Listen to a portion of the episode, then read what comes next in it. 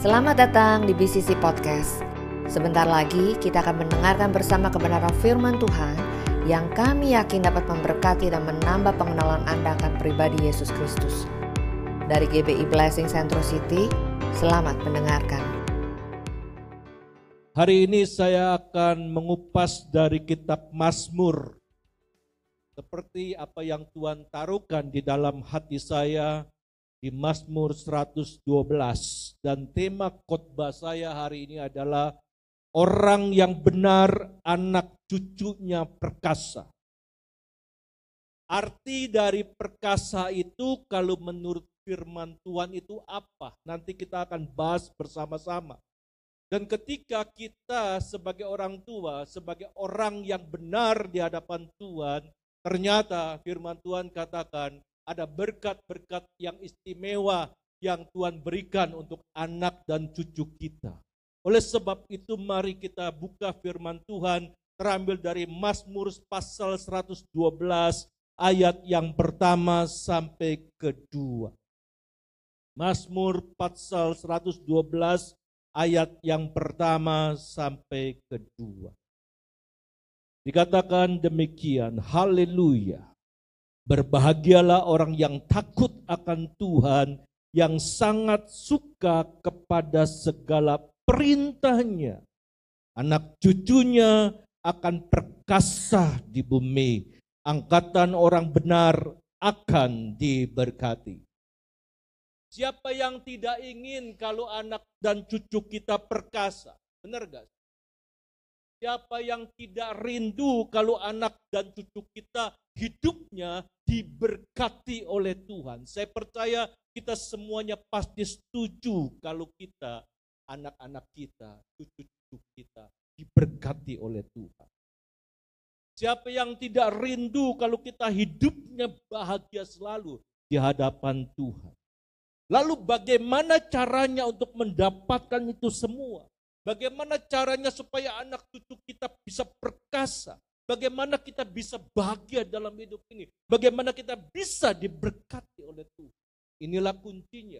Di Mazmur 112 ayat 1 sampai yang kedua dikatakan berbahagialah orang yang takut akan Tuhan. Perhatikan ini, orang yang takut akan Tuhan yang apa? Yang suka kepada segala perintahnya. Maka ketika kita takut akan Tuhan, ketika kita suka akan perintah Tuhan, maka Tuhan katakan anak cucumu akan perkasa di bumi. Dan angkatan orang benar akan hidupnya selalu diberkati oleh Tuhan. Sebelum kita masuk lebih dalam saudara, kita harus mengerti dulu struktur dari keluarga yang Tuhan berikan dalam Inilah adalah sebuah struktur keluarga Allah yang Tuhan buat untuk kita orang-orang yang sudah memiliki suami dan istri, yang sudah menikah. Tentu saja kepala dari nakoda perahu keluarga kita adalah pertama pasti adalah Kristus. Yang kedua adalah suami. Yang ketiga baru istri dan anak. Jadi nakoda yang pertama, payung yang pertama itu adalah Kristus. Lalu yang kedua baru suami. Tiga, baru istri dan anak-anak. Ini struktur yang tidak bisa dibalik-balik saudara. Gak bisa istri di atas, suami di bawah, gak bisa. Atau anak yang di atas, orang tua yang di bawah, tidak bisa. Kalau struktur itu terbalik, saudara, keluarga itu pasti akan menemui jalan yang buntu. Pasti keluarga itu akan menemui kesulitan-kesulitan.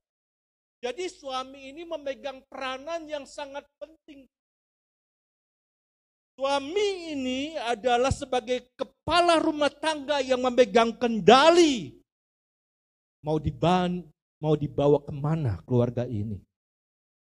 Jadi suami itu atau bapak itu memegang peranan yang sangat penting. Kalau bapak itu takut akan Tuhan, kalau bapak itu patuh akan perintah-perintah Tuhan, maka secara otomatis mereka atau bapak itu akan membawa anggota-anggota keluarganya, istri istrinya, anaknya, cucu-cucunya kepada jalan Tuhan agar istri, anak-anak dan cucunya itu bisa mau melakukan perintah Tuhan. Dengan demikian saudara tidak mengherankan jika janji Allah di dalam Mazmur ini akan digenapi anak cucumu akan perkasa di bumi dan orang yang benar jika kita benar kita menjadi pelaku firman Tuhan maka kehidupan kita akan diberkati oleh Tuhan katakan amin Saudaraku, kalau saudara membaca firman Tuhan di kejadian ya, saudara mengenai Abraham. Abraham itu hidupnya benar di hadapan dia takut sama Tuhan. Dia hormat sama Tuhan. Dia melakukan kehendak Bapaknya dengan taat dan setia. Buktinya ketika Allah menyuruh Abraham untuk mengorbankan anaknya yang bernama Ishak, dia turuti karena Abraham sangat mengasihi Tuhan daripada berkat-berkatnya. Anak itu kan berkat, tetapi Tuhan itu kan sang pemberi berkat, saudaraku. Dan atas dari ke dia menuruti kehendak Tuhan, dia taat dan patuh sama Tuhan, maka Ishak pun hidupnya diberkati oleh Tuhan. Maka cucunya Abraham juga yang bernama Yakub diberkati oleh Tuhan. Maka ada doa yang populer kan adalah doa berkat Abraham, Ishak, dan Yakub. Atas ketaatan atas takut akan Tuhan Abraham, maka Ishak pun menjadi orang yang benar, maka Yakub pun cucunya menjadi orang yang benar. Tapi berbeda ya saudara dengan Simpson. Kalau saudara membaca Simpson nih saudara, di Hakim-Hakim pasal yang 16 lihat sampai ayat 4 sampai seterusnya saudaraku, kita tahu Simpson itu adalah hamba Tuhan ya orang yang dipilih oleh Tuhan menjadi nasir Allah dan Tuhan memberikan kekuatan yang sangat luar biasa. Akan tetapi dia jatuh cinta kepada Delilah. Ketika dia di lembah Sorek, dia melihat Delilah yang begitu cantik dan dia jatuh cinta. Dan Delilah ini bukan anak Tuhan. Dia tidak mengenali mengenal Tuhan tidak tahu Allah Abraham itu. Tetapi karena cinta akhirnya mereka menikah, saudara dikasih oleh Tuhan. Dan akhirnya saudara, karena Simpson tidak dengar-dengaran apa yang katakannya. Maka kesulitan-kesulitan terjadi dalam kehidupan.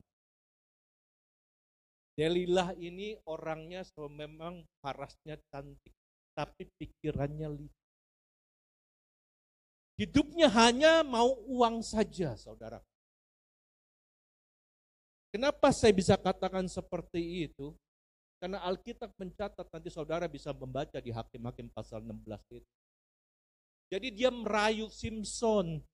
Simpson beritahu dong rahasianya. Kenapa engkau bisa begitu kuat? Sampai waktu Simpson mengalahkan singa sampai singa itu dirobek-robek karena kekuatan dari Allah. Tolong dong kasih tahu rahasianya seperti apa Simpson. Dirayu-rayu. Karena Simpson sayang sama istri. Akhirnya rahasia yang tidak boleh diberikan harusnya diberikan juga. Karena rahasia itu saudaraku dipergunakan oleh orang-orang Filistin untuk menangkap Simpson. Karena Simpson itu begitu kuat, dia mengalahkan orang Filistin. Maka itu dia rayu istrinya untuk memberikan rahasianya. Dan akhirnya Simpson memberikan rahasia. Dia memberikan rahasianya begini, kekuatanku sesungguhnya di rambutku. Kalau rambutku dipotong maka tidak ada lagi kekuatan dari Allah yang menyertai aku. Dan rahasia itu diberikan kepada orang Filistin, saudara. Memberikan rahasia yang seperti itu, rahasia dari surga, saudara, itu ibaratnya memberikan kita pin ATM, saudaraku. Memberikan rahasia kita. Dan akhirnya saudaraku, dari jual rahasia itu, istri dari Simpson itu mendapatkan uang. Karena memang tujuannya uang, saudara. Dia mendapatkan uang dan akhirnya kalau saudara membaca firman Tuhan, saudara di Simpson, saudara di apa di Hakim-hakim pasal 16 mengenai Simpson. Simpson itu ditangkap, dia dipenjara, dia dirantai dan akhirnya matanya dicungkil. Dia begitu menderita ketika dia membocorkan rahasia dari surga. Oleh sebab itu saya ingin beritahu kepada saudara, bagi kita yang belum menikah, yang mungkin saja nanti kita akan suatu waktu pasti nanti kita akan menikah. Pertama, syarat pertama adalah orang itu harus takut sama. Mengenai mapan, mengenai ganteng itu nomor dua, itu prioritas, bukan prioritas yang pertama. Prioritas yang pertama adalah orang yang harus takut sama Tuhan. Yang takut akan Tuhan itu betul-betul di dalam Tuhan. Kalau orang itu pasangan saudara betul-betul takut di dalam Tuhan, saudara akan aman, saudara akan bahagia menempuh keluarga saudara, membangun keluarga saudara. Karena strukturnya sudah benar. Pertama harus Kristus dulu ditempatkan sebagai kepala nakoda di perahu keluarga saudara. Simpson salah mengambil pasangan. Dia mengambil pasangan yang tidak takut akan Tuhan. Akhirnya pasangan itu malah menyeret dia masuk dalam kesulitan, masuk dalam penderitaan. Bukan kebahagiaan, saudara. Di Amerika Serikat ada yang bernama Benjamin Werfield, saudaraku. Dia melakukan sebuah riset, saudaraku mengenai Jonathan Edward dan McDuke, saudara. Nah, Jonathan Edward ini, saudaraku, adalah orang percaya, dia takut sama Tuhan, dia melayani Tuhan, dia melakukan kehendakan kehendak Tuhan. Tetapi berbeda dengan McDuke. McDuke adalah orang ateis yang tidak mengenal Tuhan. Hidupnya sembarangan, hidupnya ugal-ugalan dalam kehidupannya. Jadi saudara dikasih oleh Tuhan dari hasil riset itu ternyata keturunan orang benar itu berbeda dengan keturunan orang yang tidak benar. Dan survei itu membuktikan seperti ini. Tolong, tolong diklik. Nah, Jonathan Edward saudaraku, keturunan-keturunannya sangat luar biasa. Dia memiliki seribu keturunan saudaraku. Ya, saya akan membacakan lebih dengan cepat saudaraku supaya saudara mengerti keturunan orang benar yang takut akan Tuhan. Ternyata anak cucunya cicitnya diberkati Tuhan menjadi orang-orang yang hebat saudaraku. 13 orang menjadi rektor 65 orang menjadi profesor tiga orang terpilih sebagai senator Amerika Serikat. 30 orang menjadi hakim 100 orang menjadi pengacara 75 orang menjadi perwira militer 100 orang menjadi pendeta 60 orang menjadi penulis terkenal 80 orang memegang peranan yang penting dalam berbagai instansi termasuk menjadi gubernur. Satu orang adalah wakil presiden Amerika, 66 orang dokter, 135 orang editor, satu orang pendeta, 100 orang lebih menjadi misionaris, 80 orang memiliki kantor publik, satu orang menjadi wakil presiden, satu orang menjadi istri presiden AS, dan satu orang penyidik keuangan Saudara perhatikan saudara, ini riset ini real, real, nyata, fakta. Orang-orang yang benar, yang takut akan Tuhan, yang menuruti segala perintahnya dan tunduk dan hormat kepada Tuhan, anak cucunya hidupnya diberkati Tuhan. Akan tetapi saudara, lihat mengenai McJuk yang tidak takut sama Tuhan, lihat keturunannya, lihat cucunya, apa yang terjadi. 500 keturunan Mexjuk, 310 mati sebagai pengemis. 150 orang keturunannya pernah masuk penjara dengan berbagai kejahatan yang pernah dilakukan. dengan hukuman penjara rata-rata 13 tahun. Tujuh di antaranya adalah pembunuh, terus orang lebih adalah pemabuk. Banyak dari keturunannya menjadi wanita yang tidak baik. Dan keluarga itu telah merugikan negara 1,25 juta dolar. Ya, kalau hari ini kurang lebih 12 miliar, tapi itu di, di abad 19. Kalau sekarang itu bisa ratusan miliar, saudara. Saudara perhatikan, orang yang tidak takut sama orang yang tidak menghormati, orang yang tidak benar, maka keturunanmu, keturunannya pun seperti ini. Saudara mau pilih yang mau pilih hidup benar, menjadi orang yang benar, atau orang yang kalau menjadi orang yang benar, saudara akan menerima anak cucumu akan hidupnya perkasa. Anak cucumu akan hidupnya diberkati oleh Tuhan. Jadi kita harus pahami dulu takut akan Tuhan itu artinya memberi hormat kepada Tuhan. Takut akan Tuhan itu berarti kita patuh kepada Tuhan. Takut kepada Tuhan itu berarti kita taat kepada Tuhan. Takut kepada Tuhan itu artinya kita menuruti segala perintah Tuhan. Dan, ternyata saudaraku ada berkat-berkat spesial untuk orang-orang yang takut akan dia akan mengupas untuk saudara ada tujuh berkat istimewa untuk orang yang takut akan Tuhan. Yang pertama saudaraku, berkat keturunan ilahi. Jadi begini saudaraku, orang yang tidak mengenal Tuhan, ketika dia memiliki keturunan, saudara dia memiliki anak, anaknya itu bukan keturunan ilahi. Tapi kalau kita orang yang benar di hadapan Tuhan, ketika kita memiliki anak, anak kita itu keturunan ilahi. Keturunan ilahi artinya anak kita juga akan takut sama Tuhan. Anak kita juga akan cinta sama Tuhan. Bahkan keturunan anak-anak kita dan cucu-cucu kita akan menjadi berkat untuk banyak orang lain. Ini adalah satu berkat kekal yang Allah janjikan kepada kita yang takut akan Tuhan. Ini jaminannya.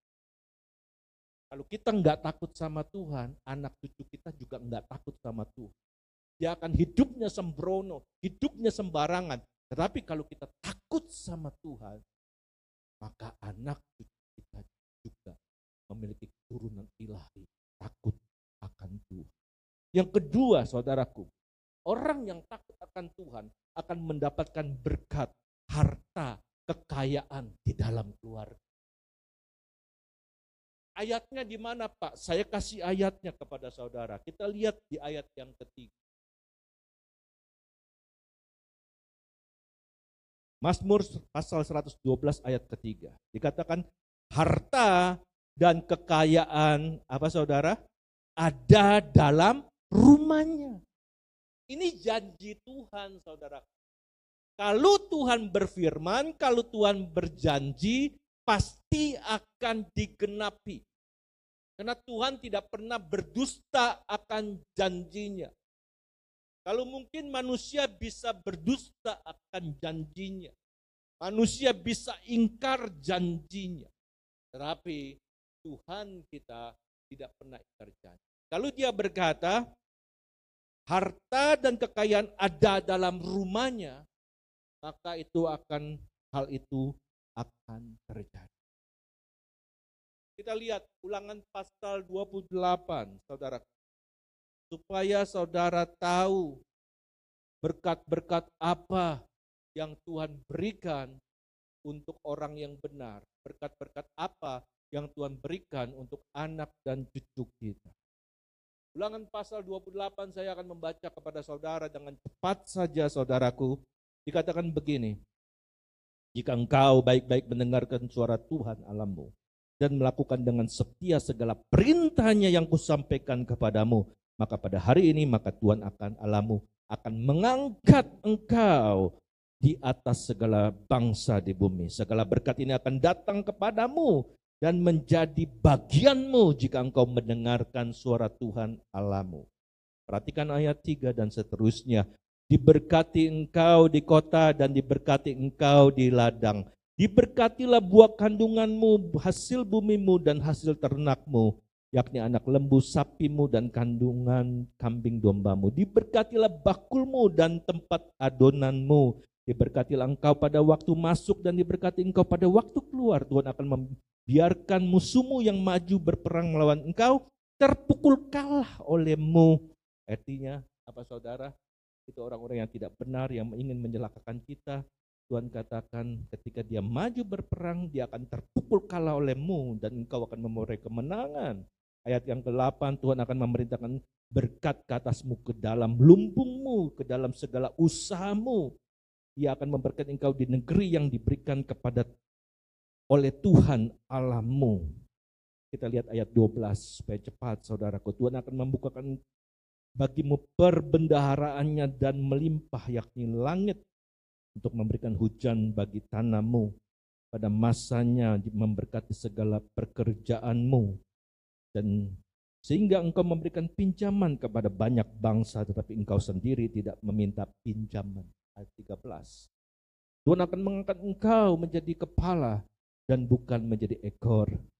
Engkau akan tetap naik dan bukan turun apabila engkau mendengarkan perintah Tuhan Alamu yang kusampaikan pada hari ini. Kau lakukan dengan setia. Ini janji Tuhan di ulangan pasalnya yang ke-28. Kalau kita mau menerima janji-janji Tuhan, saudaraku, maka Tuhan katakan, kau harus menjadi orang yang Engkau harus menuruti segala perintah. Engkau harus hormat kepadaku. Yang ketiga, saudara, berkat yang ketiga adalah berkat jalan keluar dari kesulitan. Artinya begini, saudaraku, Tuhan itu tidak pernah meninggalkan kita. Kita mungkin saja menemui badai, mungkin saja kita menemukan ombak, masalah dalam kehidupan kita. Tetapi kita orang-orang yang benar, Tuhan katakan Tuhan tidak pernah meninggalkan.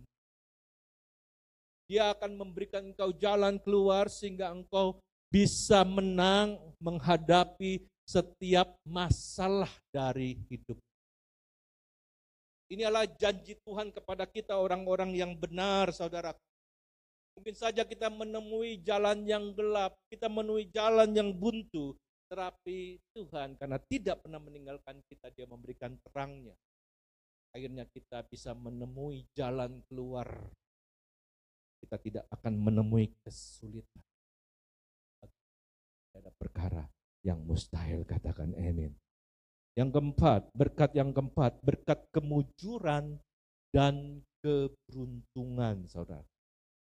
Nah, sering kali ya saudara, orang-orang dunia, orang-orang yang tidak mengenal Tuhan, selain sering kali mengaitkan kemujuran, keberuntungan dengan hal-hal yang tidak masuk akal. Misalkan saudara, mereka masih percaya hari yang baik, hari Ya, orang dunia itu sering kali masih apa namanya percaya pada angka yang baik.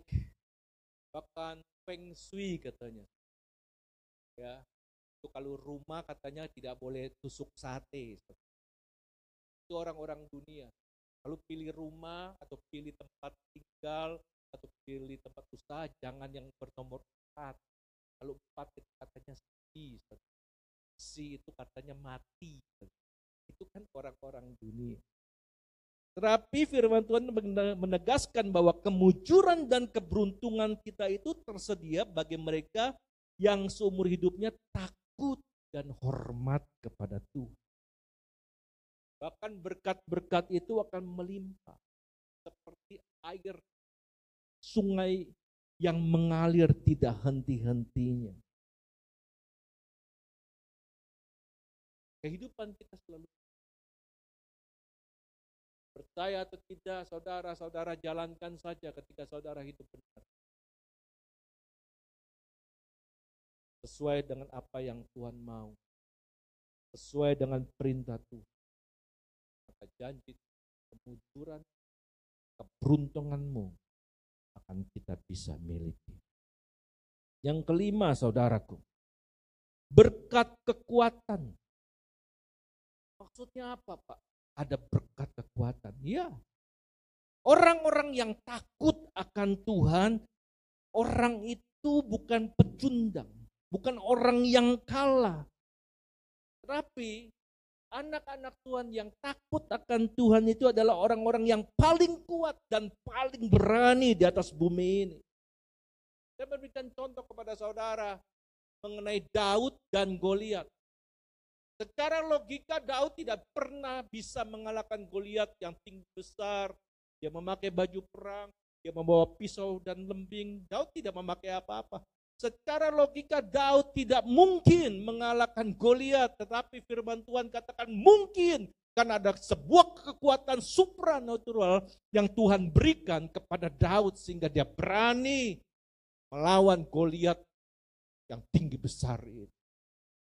Ketika kita betul-betul sungguh-sungguh di hadapan masalah besar apa pun kita tidak akan takut menghadapi karena kita tahu Tuhan tidak pernah meninggalkan kita. Katakan amin. Ada berkat kekuatan. Dan kekuatan kita itu bersumber sepenuhnya oleh karena iman kita kepada Tuhan yang tidak tergoncangkan. Iman kepada Tuhan. Maka kita akan diberi kekuatan yang Orang-orang yang di dalam Tuhan itu tidak takut, tidak khawatir dalam hidupnya, tidak gampang stres, tidak depresi, tidak gampang tertekan hidupnya. Jika masalah baru datang, tak menangis, tidak sedih, tapi dia menghadapi bersama dengan Tuhan. Dia menghadapi dengan dengan kekuatan dia sendiri. Karena dia sadar kekuatannya terbatas. Manusia itu kekuatannya terbatas. Pak, Bu, kekuatan manusia itu terbatas. Kemampuanmu terbatas. Kepindaranmu juga terbatas. Jadi kita harus meminta kekuatan supranatural daripada Allah supaya kita bisa menghadapi hidup yang berat ini, yang keras ini. Amin, saudaraku. Yang, yang keenam, saudara, berkat apa lagi yang Tuhan berikan kepada orang yang takut akan Tuhan? Berkat ketenangan, saudara. Ini luar biasa. Berkat ketenangan itu apa, Pak? Saudaraku, saya akan mengupasnya untuk sekarang ini dunia ini kan kita di dalam kehidupan yang boleh bilang ya menuju kepada kesulitan.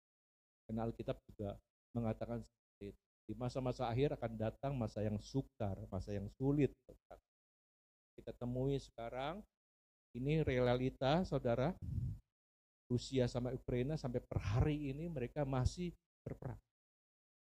Israel dengan Hamas, saudaraku, di Palestina itu udah hancur-hancuran, ibaratnya perang terus. Dan bahayanya, saudaraku, ketika nanti negara-negara yang banyak itu, saudara, akhirnya mereka pro kepada Palestina dan akhirnya menyerang Israel. Kita tahu bahwa Israel itu adalah bangsa Nah, saudaraku, inilah yang akan digenapi oleh kitab Wahyu. Firman Tuhan katakan nanti kamu akan, meneri, uh, akan mendengar deru. Tapi itu belum kesudahan. Nanti bangsa akan melawan bangsa. Nanti Israel itu akan diserang oleh negara-negara lain, saudara. Karena kan kita lihat, saudara, sekarang berita-berita ya, kita lihat memang Israel kadang kalah, saudaraku, ya. Uh, ya pokoknya sampai dia ngebom rumah sakit, saudara orang-orang yang di rumah sakit tembakin saudara ya, ini membuat orang-orang menjadi negara-negara pemimpin negara menjadi geram pada itu dan akhirnya nanti Israel itu dikepung dan itulah terjadi dan akhirnya dunia ini akan jadi bencana bencana kelaparan tapi percayalah saya orang-orang yang benar itu akan diangkat Tuhan dulu tidak mengalami masalah-masalah yang tidak mungkin kita mungkin saja untuk bisa menghadapinya karena itu berat. Oleh sebab itu saudara, Tuhan akan memberikan kita kepada ketenangan. Tuhan akan memberikan kita damai sejahtera kepada kita semua, kepada orang-orang yang takut akan Tuhan. Banyak orang-orang dunia tidak bisa nyenyak tidur.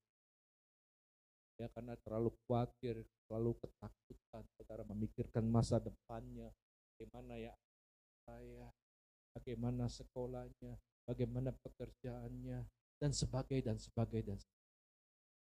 Itu pemikiran orang. Saya ingin katakan kepada saudara, serahkan saja semua kepada Tuhan.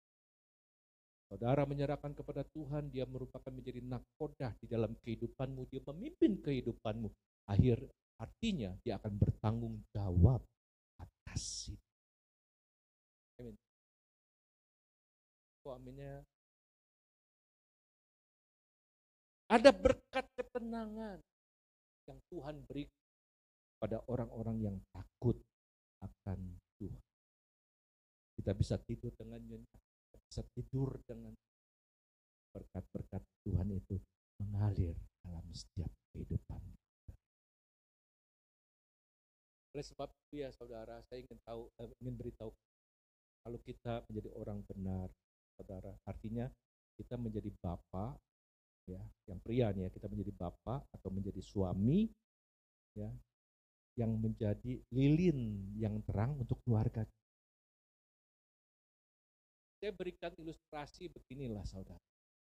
Kalau seumpamanya ya saudara dikasih oleh Tuhan, tiba-tiba kita mati lampu saudara, kan gelap.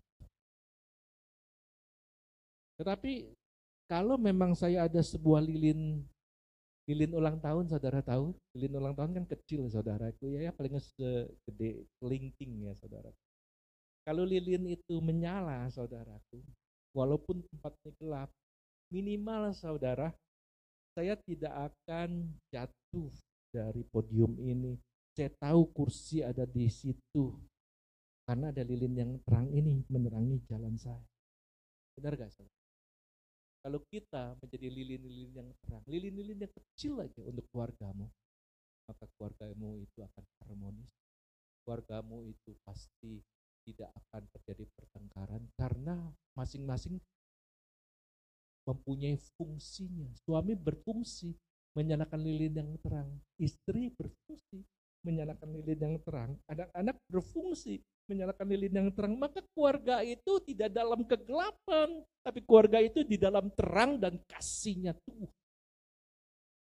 Ayo menjadi lilin yang terang untuk keluarga kita. Ayo, sudah saatnya dan bukan main-main lagi ya saudaraku. Saya ingin memperingatkan kepada saudara, hidup yang benar karena kedatangan Tuhan itu seperti pencuri pada waktu malam tidak seorang pun tahu, anak pun tidak tahu, kata Tuhan. Jadi tidak tahu pencuri itu atau Tuhan itu datang yang kedua kali itu kapan. Yang paling penting apa? Kita menyiapkan hidup kita. Hiduplah dengan benar. Hiduplah dengan segala perintah Tuhan. Maka berkat-berkat itu saudaraku. Yang seperti yang saya katakan. Yang terakhir saudaraku. Berkat yang terakhir ketika kita menjadi orang yang benar, yaitu berkat kekal. Berkat kekal. Artinya begini saudaraku, ketika kita menerima Yesus sebagai juru selamat pribadi, merupakan satu jaminan nanti kalau kita dipanggil oleh Tuhan, kita akan menghadap Bapa di surga. Kerajaan surga yang kekal itu. Bukan kebinasaan, tetapi keselamatan kekal yang Tuhan berikan. Itu kan firman Tuhan jelaskan mengatakan di Yohanes pasal 14 ayat 6, akulah jalan, kebenaran dan hidup. Tidak seorang pun yang datang kepada Bapa kalau tidak melalui Yesus. Artinya kita harus melalui kita mau datang pada Bapa kita yang di surga. Kalau orang-orang fasik, orang-orang yang tidak mengenal Tuhan, saudara, gampang sekali dikuasai oleh kemarahan, dikuasai oleh kepahitan, dikuasai oleh dendam. Akhirnya ketika dia dendam, dia ingin sekali membalas orang yang menjahati dia lebih jahat lagi. Itu orang dunia. Dia tidak mau uh, bisa mengampuni saudara. Dia iri hati, kepada orang yang sukses. Itu orang-orang dunia. Tapi kalau kita anak-anak Tuhan, kita tidak lagi memiliki hati yang seperti itu. Tapi karena hati kita sudah dibentuk oleh Kristus, maka karakter kita pun akan seperti Kristus. Saudara perhatikan Yesus. Pernahkah Yesus dendam? Pernahkah Yesus uh, marah sama orang, saudara, bahkan membalas kejahatan dengan kejahatan? Tidak, saudara. Ketika Yesus dimaki, dicaci, dicambuk, saudaraku, dihina, harga dirinya diinjak-injak, dia tidak marah. Malah dia berkata waktu di kayu salib, Bapak ampunilah mereka, sebab mereka tidak tahu apa yang mereka perbuat. Orang benar yang diubahkan, saudara dikasih oleh Tuhan, akan mendapatkan kehidupan yang kekal. Hari ini saudara, firman Tuhan saya tidak perpanjang. Tapi saya ingin katakan kepada saudara, saudara pasti rindu anak cucumu hidup perkasa. Saya saudara pasti mau anak cucu kita hidupnya diberkati oleh Tuhan. Jalankan apa yang Tuhan